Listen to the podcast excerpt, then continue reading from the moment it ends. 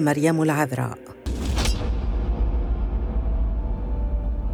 ولدت هذه العذراء بمدينة الناصره حيث كان والداها يقيمان وكان والدها متوجع القلب لأنه عاقر.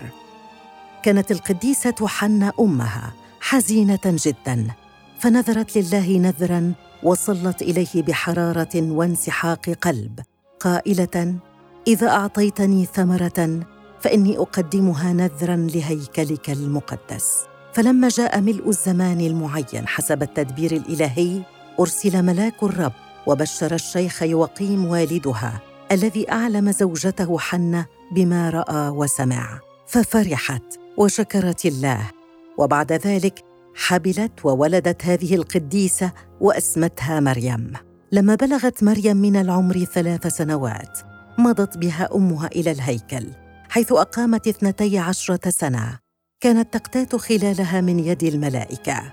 وإذ كان والداها قد انتظرا تشاور الكهنة لكي يودعاها عند من يحفظها لأنه لا يجوز لهما أن يبقوها في الهيكل بعد هذه السن.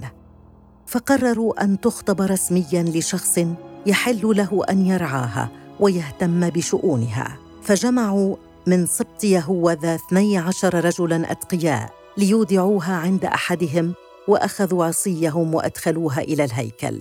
فأتت حمامة ووقفت على عصا يوسف النجار. فعلموا أن هذا الأمر من الرب لأن يوسف كان صديقا بارا.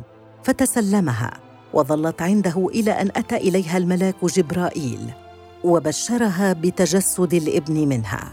بعد صعود السيد المسيح إلى السماء إذ كانت العذراء مريم ملازمة الصلاة في القبر المقدس ومنتظرة ذلك الوقت السعيد الذي فيه تحل من رباطات الجسد. أعلمها الروح القدس بانتقالها سريعا من هذا العالم الزائل.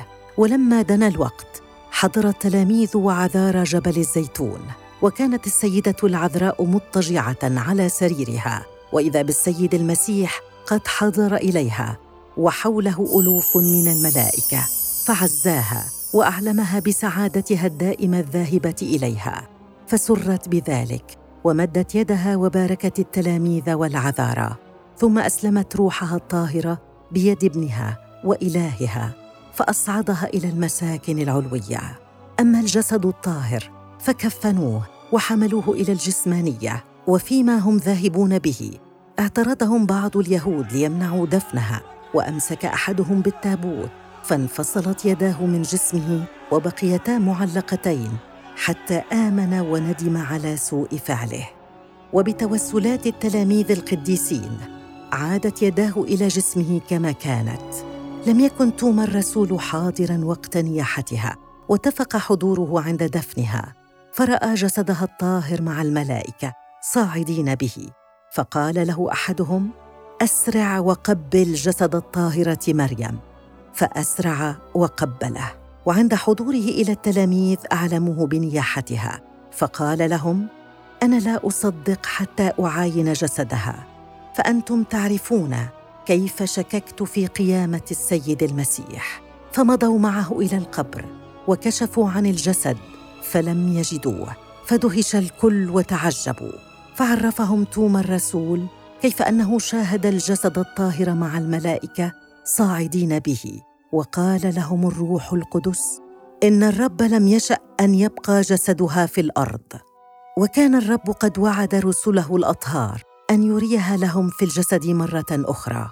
فكانوا منتظرين إتمام ذلك الوعد الصادق حتى اليوم السادس عشر من شهر مسرى حيث تم الوعد لهم برؤيتها. وكانت سنو حياتها على الأرض ستين سنة.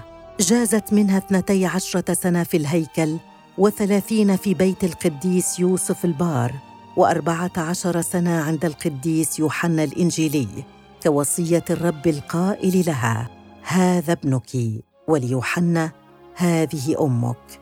قد بنيت أول كنيسة على اسمها بمدينة فيلبي وذلك أنه لما بشر الرسولان بولس وبرنابا بين الأمم آمن كثيرون منهم بمدينة فيلبي وبنوا فيها كنيسة على اسم البتول والدة الإله. باركت السيدة العذراء ارضا ببركة خاصة مرتين.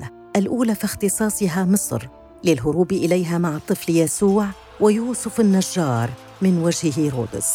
والثانية في تجليها في مناظر روحانية نورانية داخل قباب الكنيسة المدشنة على اسمها الطاهر في منطقة الزيتون من ضواحي مدينة القاهرة وفوقها وذلك في يوم الثاني من أبريل عام 1968 للميلاد والذي استمر لعدة ليالي متتالية.